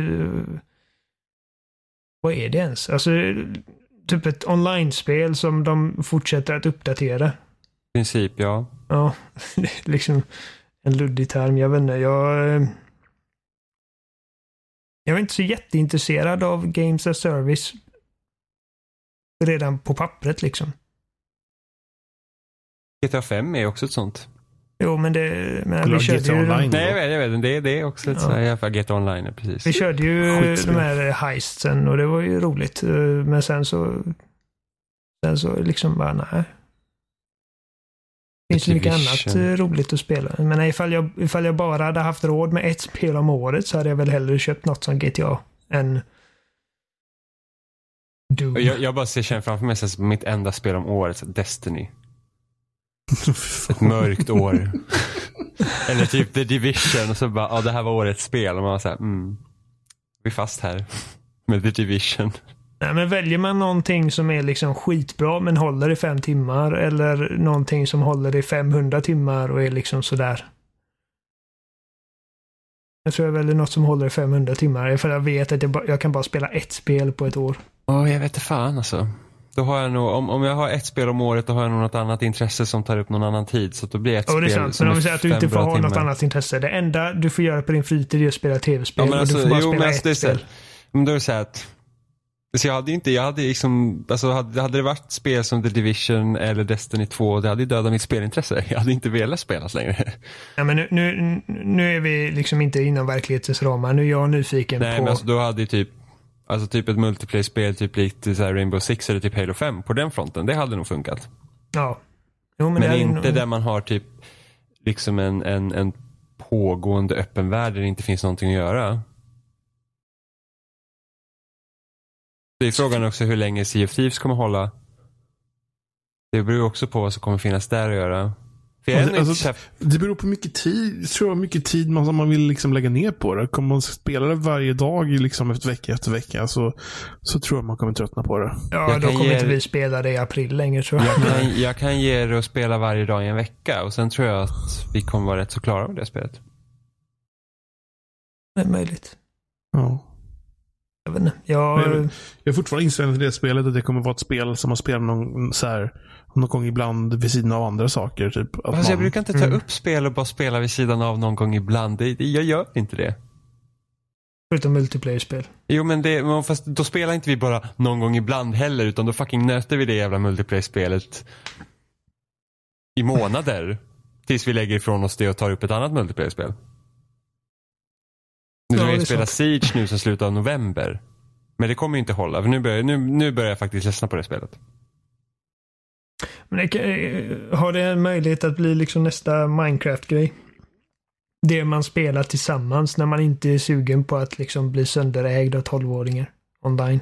Nej, det tror jag inte. Jag tror att, eller jag kan bara prata för mig själv, men jag tror att just att åka runt i båten tror jag kommer bli det som dödar det till slut sen. Att det är inte bara något man gör för att segla båt hela tiden är inte så jäkla kul jättelänge. Därför tror inte jag att det blir massa, ah, vad- har vi ingenting att göra? Ah, vi kan spela Sea of Thieves, det tror inte jag. Ja, nej. Det ska bli spännande att se hur det blir. Det se, jag kan göra, jag kan göra jättefel. Alltså jag, men liksom, Ja, men jag, jag, jag, tror inte att på, det blir ett sånt spel. Jag ligger lite på... Om jag var tvungen att gissa så ligger jag mer åt ditt håll också. Men jag, Mm. jag hoppas att eh, jag har fel. Jag hoppas att det är liksom... Att det håller sig meningsfullt och att det känns som att man faktiskt åstadkommer grejer. Ja, så sköter de rätt, rätt med uppdatering och sånt så kan jag verkligen tänka mig att det är sånt spel som man faktiskt återkommer till när det väl kommer grejer. Men det trodde jag också att Destiny 2 skulle vara. Att det var så många som spelade det med Raiden och allting. Jag tänkte, ja men då kanske vi samlas igen när nästa expansion kommer och det är bara att jag har inte haft, jag har verkligen Men- haft noll intresse i det. Nej, men då har man också den liksom betalningsväggen. Hade alla de grejerna som de släppts i efterhand släppts gratis så hade vi kanske hoppat in. Jag Men, tror fan inte att eh, jag hade gjort det. Jag hade gjort det. Utan, utan tvekan. Ja, men jag, jag, jag hade nog inte gjort det för att jag, alltså, jo, jag men hade jag gjort det så hade du gjort det. Jag hade Nej. övertalat dig på något sätt. nej. Eh, jo. Och sen så... Oh, nej. Tappade av mig helt. Bara för att retas med dig. Jo, men jag tror det. Alltså hade du, hade jag och Martin och Robin och Emma och alla de här och Kajsa hoppat in igen så hade du också gjort det. Ja men nyss var det ju bara du. Ska du ha det? Hade hela världens befolkning samlats i Destiny 2, då hade du också gjort det. Jag har ställt mig utanför och bara nej. Fuck you. Ehm. Nej, så att, men, men för mig är det liksom att eh, men jag, hade, jag hade gärna testat på en ny strike eller en ny raid, men inte för liksom typ 200 spänn. Så sugen jag inte. Ja, det enda som kan få mig, det enda som kan få mig ta upp det är en ny raid i så fall. En strike bryr jag mig för fan inte om. De är ju skittråkiga. Jävla strike liksom. Det var, här har du en linjär bana, du ska döda alla fiender och döda tidigare. Raid. Åh gud, jag hörde ärligt talat någon argumentera för att des, det första Destiny hade det mest Alltså de bästa fienderna i en first person shooter någonsin. Och jag var bara så här, men alltså det är sämre versioner av Halo-fienderna. Vad är det här för människa? Det är alltså, jag vet inte vilken planet man tycker det Ja men sånt där säger jag med, men där ser du, det, det är liksom vad folk tycker ju vad fan de vill. Ja, det, det är så det Fin- fungerar finns Jimmy. liksom Folk ingen vill. rim och reson i det här. Men herregud. Det är ingen, Folk tycker olika. Jag menar, ja men folk, folk tycker ju, folk bara tycker. men det är ingen rim och reson. Nej, men det är ingen rim och reson i det uttalandet. Det lät ju helt galet. Det var bara som, alltså, de, det, det är ju praktiskt taget Halo-fienderna fast sämre. Jag menar, du tycker inte om Donkey Kong Tropical Freeze, så jag tycker det är helt galet också. Ja, men Så- du har ju uppenbarligen fel. Nej, du har det fel. nej, Du har fel. helvete heller. Fy fan, Okej. bara segt, klumpigt och Du får, jävligt. kolla, du får kolla på den där Mark Brown-videon igen så Jag kan har kollat på den Mark Ja, Brown-videon. men uppenbarligen inte tillräckligt många gånger. Du sitter där och har fel fortfarande. Nej, jag tycker inte om Donkey Kong Country Returns. Alltså, jag tycker inte det är ett bra spel. Ehm, Man tycker olika. Det.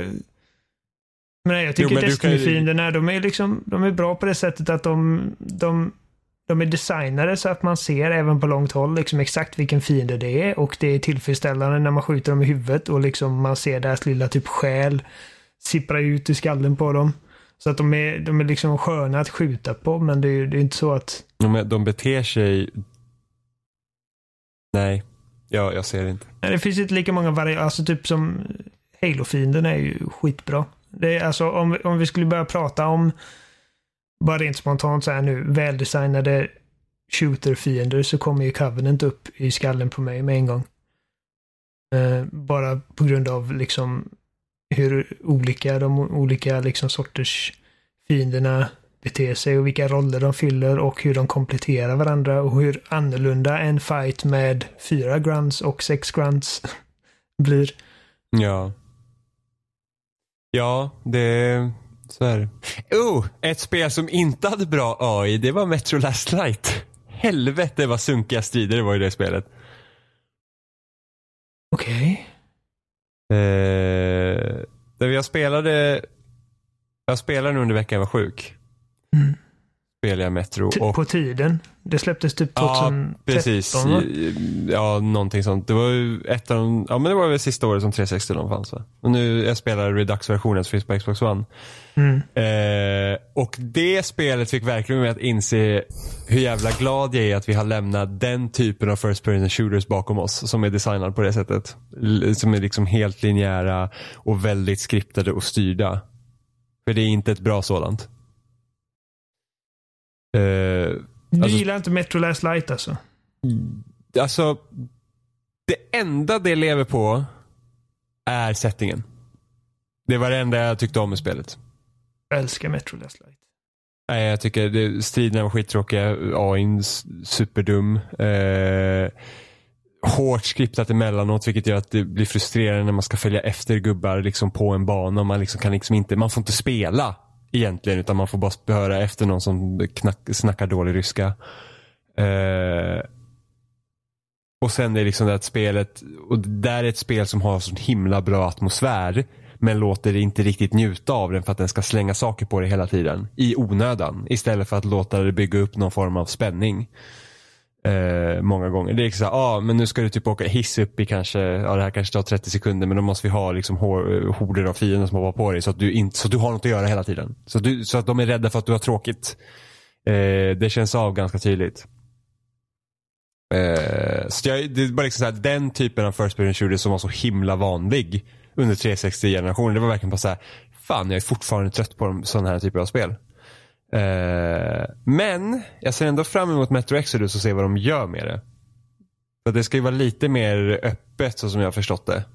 Mm, inte helt open world men ändå Nej, liksom vet. så att det Eh, är öppnare. Precis, jag hoppas att det inte är lika syrt. För att det där är också en sak till man kommer till de här. Alltså jag var, fan, fan det hade varit skitnice med typ ett mer fallout-liknande spel i Metro-universumet.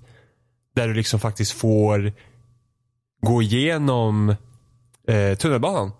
Och liksom gå åt vilket håll du vill och så har du de här stora stationerna då som fungerar som städer och sånt. Det hade varit skitintressant för att det, det gillar jag med spelet. Och allt annat var verkligen så här, uff. Uff. Uh, men jag hoppas att Metro Exodus blir bra ändå. Uh, för att som sagt, settingen eh, tycker jag om. Och det var därför jag läste första boken också. På grund av att jag tyckte det var skitintressant liksom att det har varit kärnvapenkrig och alla flyttar ner i tunnelbanorna. Det är en Eh, cool premiss. Jag, ja. jag läste också den boken väldigt nyligen. Eh, ja, väldigt nyligen. I november kanske. Den var, den var bra. Jag... Eh, jag kommer ihåg att vi pratade om, för när vi spelade första spelet eh, 2033, som är liksom baserat på boken. Last Light är inte baserat på en speciell bok. Nej, storyn Eh. var inte speciellt bra heller. Eh, och då pratade du om att, för då hade du redan läst, du hade redan läst boken innan spelet släpptes. Mm. Och eh, du hade sagt att eh, slutet i boken var mycket coolare än vad det var i spelet. Ja. Eh, och det är ju synd att jag då bad dig att utveckla det för att jag hade gärna läst den boken utan att veta exakt hur det slutar. Men det är ju mitt fel. Eh, för att det slutet det är, det är riktigt bra tycker jag. Mm. Och jag ska, jag ska inte avslöja det för någon som inte har läst det, men det... Det var ett... Det var ett bra slut helt enkelt.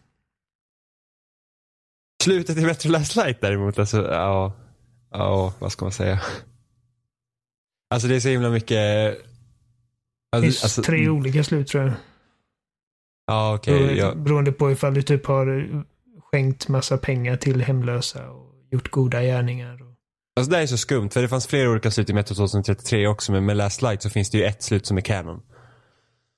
Eh, I alla fall. Ja, jo, det, det är så det funkar. Men, Man kan inte ha eh, tre canons. Nej, men men det är så konstigt att det finns olika slut när de liksom ändå väljer att gå en väg. Sånt stör mig. Men eh, ja, men massa saker som hände i Last Light var bara så här. Det här är bara, det här är bara uselt. Det jag störde mig på mest var ju typ den här påtvingade sexuella Ja, spänningen mellan dig och Här eh, är, person, här är personen du har sett en gång. Ni separeras direkt i början av spelet. Ni återförenas flera timmar efter det, ligger med varandra och hon blir med barn. och, och det slutar med att, undrar om det är den ungen man kommer få spela i Metro Exodus. Det skulle inte förvåna mig. Så den Nej, jag tror, alla jag, tror det, jag tror det är Artyom. Men han dog Mm. ju. Då... För mig dog han, i mitt spel så okej. dog jag. Ja, jag kommer inte ihåg. Jag har fått flera olika slut. Men jag har för mig att uh, utvecklarna har bekräftat att du spelar Artyom. Mhm, Jag lovar att ungen existerar säkert inte heller. Men det vet jag inte. Det var inte canon. Men vi fick in vår awkward sex-scen. Det, det, det är något spel som köpte, när jag skaffade PS4 så köpte de två spelen. Men det är inget jag någonsin faktiskt spelade. De, de ligger där. Jag vågar inte spela med PS4-spel för mitt PS4 låter som en hårblås. Oh, Oj. det är i och för sig min också. Uh, ja, vad synd. Jag, jag, men nu har inte jag spelat Last Light på eh, några år. Några år, ett par år. Jag kommer inte ihåg när Redux-versionen släpptes. Men när Redux-versionen släpptes så eh, tyckte jag om det riktigt mycket. Eh, och eh, jag upplevde inte att det var så här hyperskriptat som du, som du beskriver det Mm, som. typ, alltså, det spe- speciellt i början av spelet när man får följa efter Pavel. Som jag döpte till Parvel. Ja, men, men då... Men för, ja, så det, är liksom, det är så här som att, men så kom igen, alltså jag får liksom inte gå igenom den här dörren nu. Eh, så får man så, så, visst det finns vissa banor som liksom, eh, där ingenting sånt hände, men det var ändå tillräckligt ofta för att det liksom, alltså, den här typen av spel är fan, jag är så jävla klar med sånt. Det, det känns bara Mm. jobbigt. Och speciellt typ när man spelar, när man tänker typ Last of Us, där du också har en massa dödtid och liksom konversationer mellan karaktärer, men du får, du liksom, du inte, du tvingas inte fast av någonting. Det är inte som att Ellie typ håller handen över ditt bröst och bara såhär, nu står du still Joel medan jag babblar nonsens. Sen så hade inte det funkat om inte, om inte den storyn var så välskriven också. Nej men precis. Och det är Eh. inte Metro Last Light. Nej, det kan man inte säga att det det är ingen av de karaktärerna som jag minns knappt. Eh, Men jag bara gillar liksom, jag gillar den uh, sortens... Uh, tycker metrospelen är, är typ bäst i världen på att få mig att leva mig in i i situationen. Alltså det är liksom det enda spelet som jag kan komma på att jag har spelat där man manuellt får liksom pumpa upp ditt batteri till ficklampan och byta filter på eh, gasmaskerna. Och, eh, för att se din objektiv får du hålla upp din liksom clipboard och lysa upp det med din, fick, eh, med din tändare och liksom så här väldigt manuellt, väldigt involverande grejer som du själv Mm, men därför tror jag att Metro Exodus kan göra det riktigt bra i det. För att om spelet är liksom mer öppet så du faktiskt måste använda dig av de här grejerna ordentligt. Mm. Så, så tror jag att det kan gynna det spelet. Så att jag, jag, jag ser faktiskt fram emot det. Även fast jag inte gillar uh, Last Light. Jag tyckte att Metro 2033 var också så där när jag spelade det. Mm, Jag med. Jag tyckte att eh, jag, jag blev ett fan av det spelet först med Redux-versionen när de tog in eh, Last Light-motorn. Mm. Ja, jag lär Eh, inte spela om eh, Metro 2033. Nej, men de gjorde om interfacet och sånt som jag hatade med första spelet. Eh. Nej, men, det, ja, men jag, jag ser också fram emot eh, Exodus. Det kommer bli fint på Xbox One X, tror jag. Eh, jag, så du, du har klarat uh, Last Light. Jag har klarat uh, Yakuza Zero äntligen. Tog 50 timmar. Varför är alla spel så långa? Eh, för, att, för att folk köper dem inte annars. Varför köper inte folk spel om de inte är långa? Nu, nu, Det- nu säger inte jag i och för sig att Yakuza Zero på något sätt är ett dåligt spel. Det kanske är 50 fantastiska timmar. Men så kan man typ jämföra spel som, eh, vad ska man ta, men typ Varför kom jag var- inte på ett spel nu? Det var, det var inte 50 fantastiska timmar. Det, Nej, okej. alltså, eh, det var ett riktigt bra spel och jag, jag var liksom engagerad från början till slut, även om det var liksom mycket så här, dödtid emellan. Men det får jag också skylla mig själv för, för att mycket av det här jag spenderar tid på är sånt man bara kan strunta i. Eh, man behöver inte lägga liksom 12 timmar på att uh, utvidga sin cabaret club business. Eh, och eh, anlita sexiga brudar för att flörta med killarna och typ försöka slå sina rekord i biljard och sådana grejer. Det behöver man ju inte. Så att det är ju mitt fel. Jag tror att man, man kan nog dra igenom eh, Yakuza Zero utan problem på liksom 20-30 timmar. Ja, just det. Det är ju ingen tid alls. Nej, men eh, det, är ändå, det är ändå skillnad på 20, 30 och 50. Eh, Inte som när man kom typ här 50 timmar Persona 5 och bara, ah, nu har jag inte ens kommit halvvägs. Fy fan. Det tog mig 110 timmar tror jag. Klara Persona 5. Uh, I alla fall Yakuza Zero var, eh, var skitbra tycker jag. jag. Jag har blivit ett Yakuza-fan nu. Så jag, jag gick in och köpte remaken av första spelet med en gång och började spela det. Ehm, och uh, jag ser jättemycket fram emot sexan som släpps nu i april. Även om jag är lite nojig över att det är liksom två, tre, fyra och fem emellan som jag inte har någon aning om vad som har hänt där. så jag vet inte Ja riktigt hur jag ska det, det är ju lösa det. samma karaktär, eller hur? Ja, Ja, men du får typ dra igenom någon YouTube-video eller något innan som bara sammanfattar allt åt dig. Ja, jag menar, det, det är väl typ det jag kan göra för att många av de här spelen går inte att spela på. Jag tror PS3 har väl alla Yakuza-spel utom tvåan eller något sånt här va? Möjligt. Jag tror att eh, de håller på med en remake av tvåan också. Eh, Kom det inte ett Yakuza-spel som var typ någon sån här zombie-grej också? och de har gjort massa spin-offs, men de skiter jag fan det. Jag kommer ihåg när Yakuza-serien liksom började, började bli bass om den. Det var någon gång så här typ läste någon sen- gammal Superplay eller något sånt där. Uh, Den började prata om För Yakuza. att jag hörde talas om Yakuza typ så här, runt 2010, 2011 kanske. Eh, Okej, för mig var det nog tidigare. De Det första spelet släpptes ju 2005, så så mycket tidigare kan det inte varit. ja, men fem år är väl ändå en stor skillnad. Oh. Det är ju skillnad på att antingen var jag 14 eller så var jag 19. Det lät inte lika stor skillnad när man sa så, men det är en stor skillnad. Ett barn eller ett barn. Nej, över 18 då är du vuxen minsann. Jag var inte vuxen när jag var 18. Uh, nej men uh, Yakuza Zero, vi- jag, jag har ju pratat om det lite grann på podden här förut. Uh, uh, det, det är så många olika sorters grejer i samma paket. Det, det är helt bisarrt. Men uh, huvud, alltså storyn i Yakuza Zero handlar ju om uh, den här killen Kiryu som uh, som är på väg att liksom göra sig ett namn inom Yakuzan och sen eh, blir eh, framad. Vad är det svenska ordet? Framad. Ditsatt. Eh, för ett mord han inte begått. Och eh, måste rentvå sitt namn då. Eh, samtidigt som att det är liksom en jättestor konspiration eh, inom liksom the top brass i Yakuzan och det är massa grejer som händer. Och eh, den är alltså grymt grymt involverande redan från start. Jag, jag, jag blev förvånad över hur och särskilt med tanke på hur många karaktärer det är och alla har liksom japanska namn och jag har svårt att hålla isär namnen. Det är Nishiku, Kazuma och Majima och Kasama och Kazuma och eh, liksom att jag ens har lyckats hålla reda på allting ett jävla under, men det, det liksom säger mycket också om hur välskrivet det är. Ehm och eh, det var bara, det var liksom, det var bara en, en trevlig berättelse. Eh, och sen så finns ju all den här sidoskiten och liksom alla extra minispel du har och eh, alla, så här, de kallar det, de kallar det substories istället för sidouppdrag. Det är liksom folk du bara stöter på. Och det finns så många roliga situationer. Men när det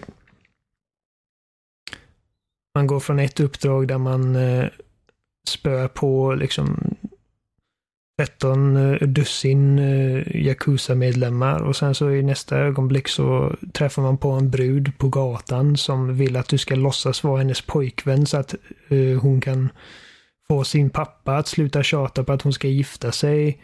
Uh, och i nästa så försöker man lära ett jätte, jätte ömsint och uh, nästan töntigt rockband att prata som en gangster för att det är den imagen de har satt upp för sig själva. Uh, och i nästa så pratar de om skatter med någon jävla skattmas och typ, ja, vad tycker du att vi borde beskatta mer och vad borde vi beskatta mindre? Liksom, alltså det, det är så mycket som liksom i det stora hela inte har någonting med vad spelet försöker göra. Uh, Men har det spelet några strider och grejer?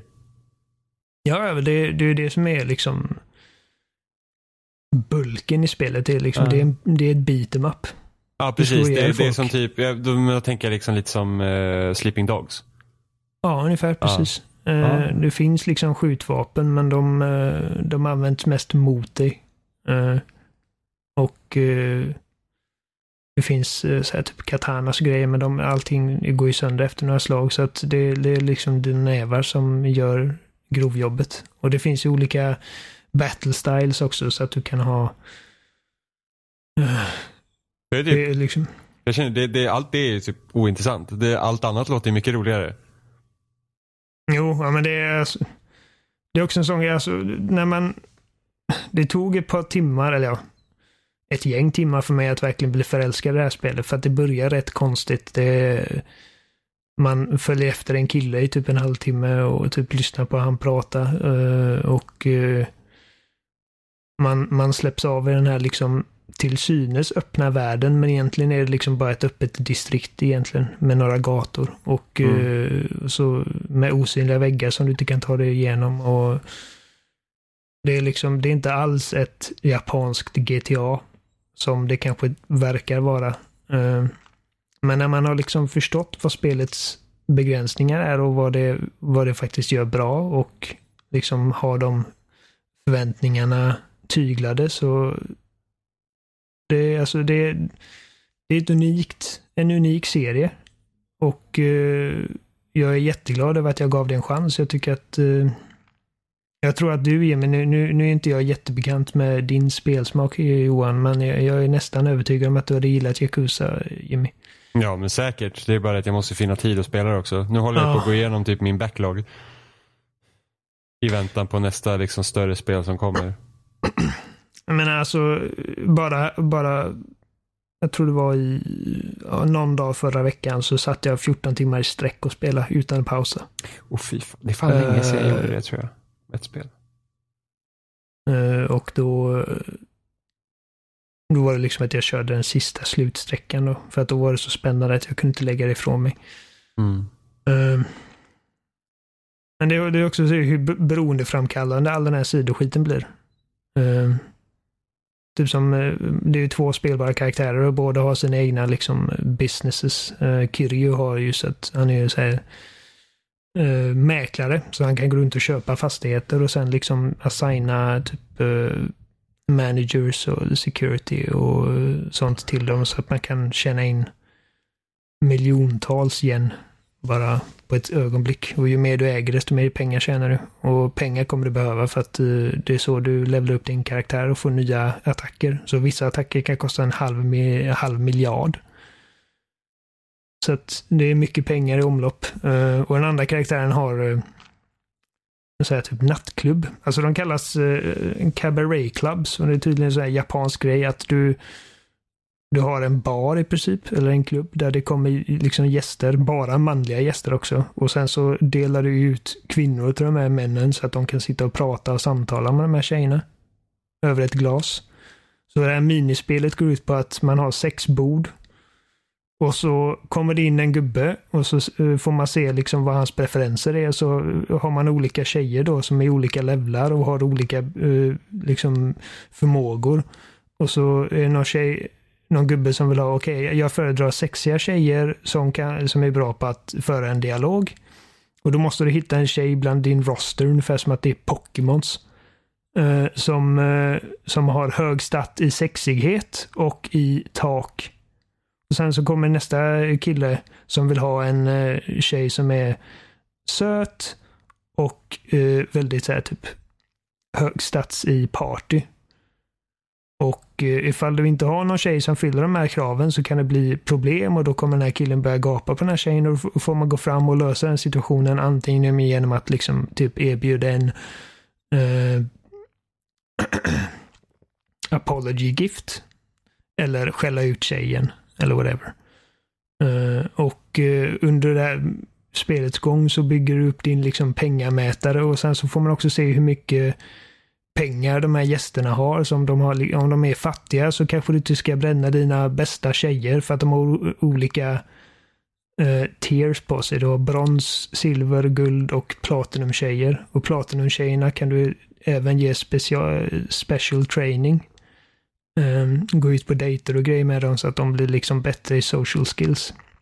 Alltså det, det är typ, det är, det är Pokémon med tjejer. Tänk ut. Och det är hur roligt som helst. Och man bara ser alla de här miljarderna bara liksom klirra in och ju mer tjejer du har desto mer eh, möjligheter har du givetvis att uppfylla liksom allas behov och eh, ju bättre du presterar desto mer fans får du i varje distrikt och när du har fått tillräckligt många fans i ett distrikt så kan du bli utmanad av ursäkta för att det, det är en liksom typ eh, en kedja av klubbar som har ett monopol på, de här, på den här staden. Och du ska liksom konkurrera ut de här systematiskt. Och så har man dueller och sen så den som tjänar in mest pengar på en kväll. Då liksom bara, det är komplicerat som fan och det är jätteroligt. Så det satt jag med alltså, i typ säkert sex timmar bara. Um, så det är kul, så Zero är kul. Jag håller på att spela eh, remaken av ettan nu och det är också riktigt roligt. Uh, så ser jag fram emot sexan. Och jag har även klarat eh, uh, Near Automata på första varvet, men det är ju tydligen ett sånt spel som man måste klara fem gånger för att få hela storyn. Och jag är inte så här jättesugen på att spela om det. Jag, jag, har, jag har påbörjat andra varvet, men uh, jag känner mig rätt färdig med det spelet. Det tog Ja. mig 14 timmar att spela igenom. Ja, det var ändå rätt så snabbt. Jag tror 18 tog det för mig. Men jag gjorde Ja, lite många sidouppdrag. Men jag gjorde lite sidouppdrag också sen. Det borde jag inte ha gjort. För det är tråkigt. Eh, och andra varvet är rätt så jävla trist också. Ja, du, du sa ju det att det, liksom det, det är som första varvet fast med sämre strider. Eh, Ja. Jag tycker att de här hacking-minispelen kan vara rätt roliga, men jag känner att han, den andra karaktären man spelar som 9S är inte lika cool som 2B och han har inte lika roliga eh, attacker med svärden. Han kan dessutom bara ha ett svärd på sig så att det blir liksom, man är begränsad redan där. Eh, men jag, jag ska försöka ta mig igenom för att eh, alltså, jag har ju läst så många artiklar och sett så många videos på liksom vilket mästerverk det här spelet är och att det är, liksom, det är ett brott mot mänskligheten att inte spela det och att inte klara det minst tre gånger.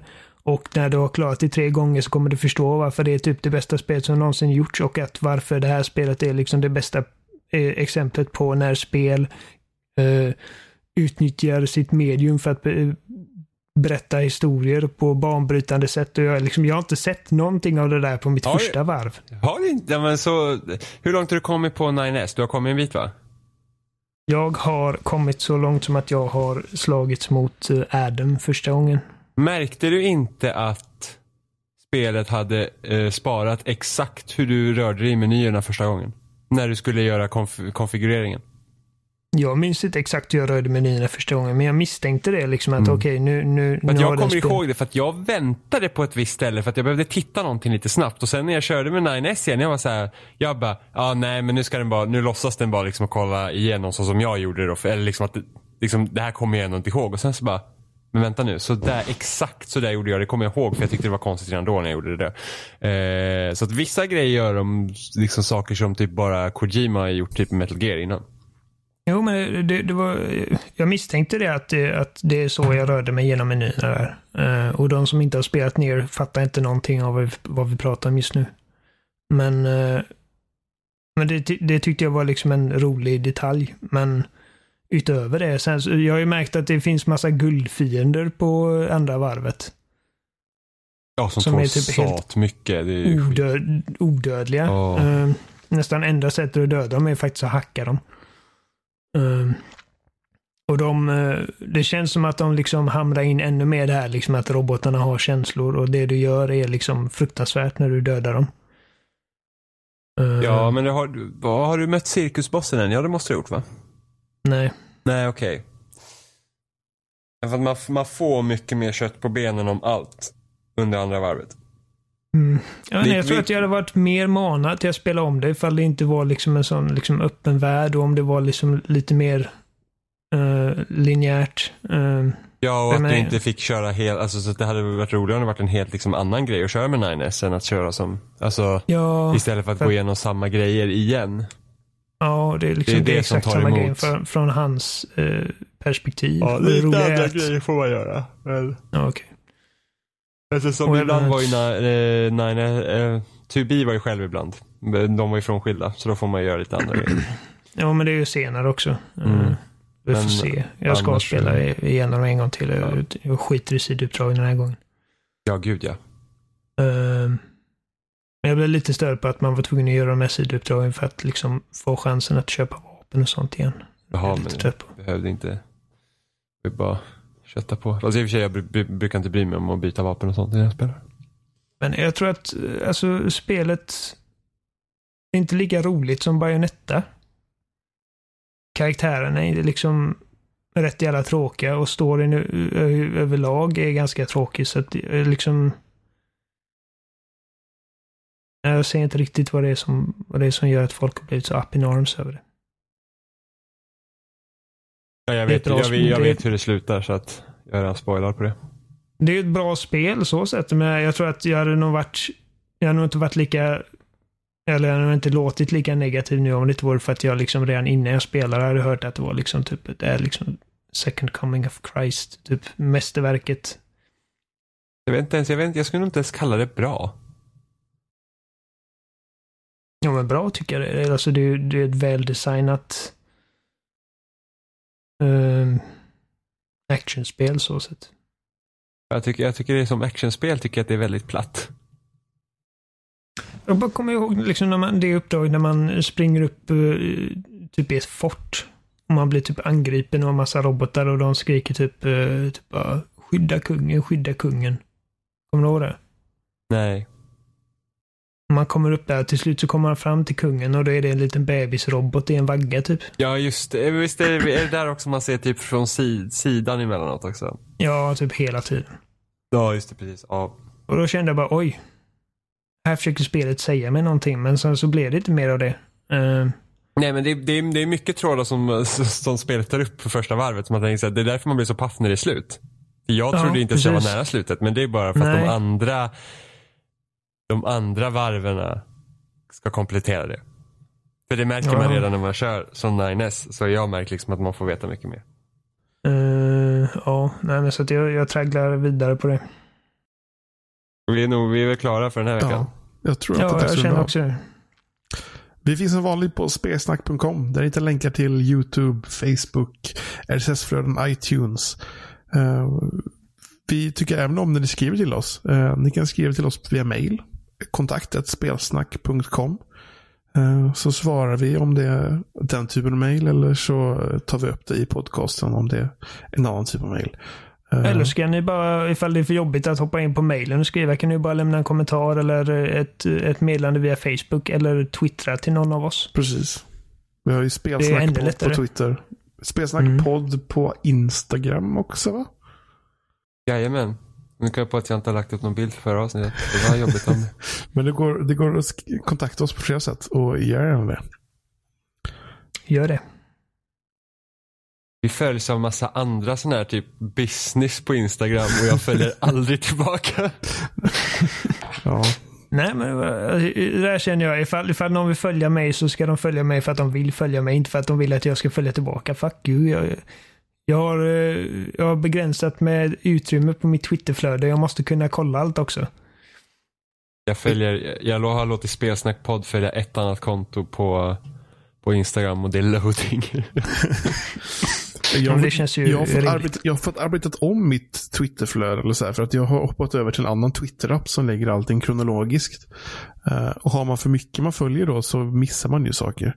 Eh, så Mm. jag har fått gått runt och avfölja en massa folk. Ja, Ja, men det, ja. det är fantastiskt på den officiella Twitter-appen då, när man får typ säga Åh, har du missat det här? Och så man bara, nej jag såg den här tweeten alldeles nyss. Och så bläddrar man till och så bara, har du missat det här? Samma jävla tweet. Och man bara, nej jag har sett den nu tredje gången. Så bara, har du missat det här? Och man bara, fuck you. Dra åt helvete och ditt jävla flödes skit. Och jag stör mig så jävla mycket på att de har, ja, nu var, nu var det länge sedan de började med detta, men när de började visa vad andra som du följer gillar. Jag bryr mig inte om vad Jimmy gillar. Ifall han retweetar någonting, då bryr jag mig. För att då vill han liksom, då gör han det aktivt val att det här ska liksom synas för alla som följer mig. Men eh, alltså om du gillar någon bild på någon jävla cosplayare så skiter väl jag i. Ja, men det har till och med blivit- kommit till den grad att jag trodde att jag följde en person för att jag får alltid se att folk gillar dens tweet. Så Ja. jag var så jag var så här, men alltså jag har inte följt den här så bara, någon har gillat, så bara aha. Instagram har också blivit helt jävla olidligt. Nu är det bara typ åh, konton som du inte följer som du kanske borde följa visar Ja men de hamnar flödet. bara på det stället när du inte har några nya uppdateringar längre. Jag vet inte, det ser jättekonstigt Det jag vet, jag hatar det också men jag har i alla fall märkt att när du kommer till ett sånt inlägg då har du liksom sett allt. Sen du sist var inne på appen. Ja, ja. Men jag hatar också att det inte är kronologisk ordning på Instagram. Nej, det är jättekonstigt. Jag, Det- För det var liksom jag kan lägga upp någonting och sen så bara försvinner det plötsligt. Jag bara, för jag var ju så att jag kollar ju alltid på alla bilder. Och nu ibland så hoppar de runt lite och Det är grejer. jättekonstigt på Instagram. Man bara kollar en bild och bara, oh, har det här hänt nu? Gå in och kolla på när den lös upp. Och så låser den upp för typ så en vecka sedan. Och bara liksom, hur är det här relevant nu? Ja, det är för Det enda jag jävligt. gör på Instagram nu är bara lägga upp mina dagens soundtrack. Jag tror jag aldrig inne på. Ja. ja, det blev en speciell eh, efter eh, vart vi finns eh, informationsdiskussion. Eh, Yes. vi säger det helt då. Ja, hej då med. Hej då.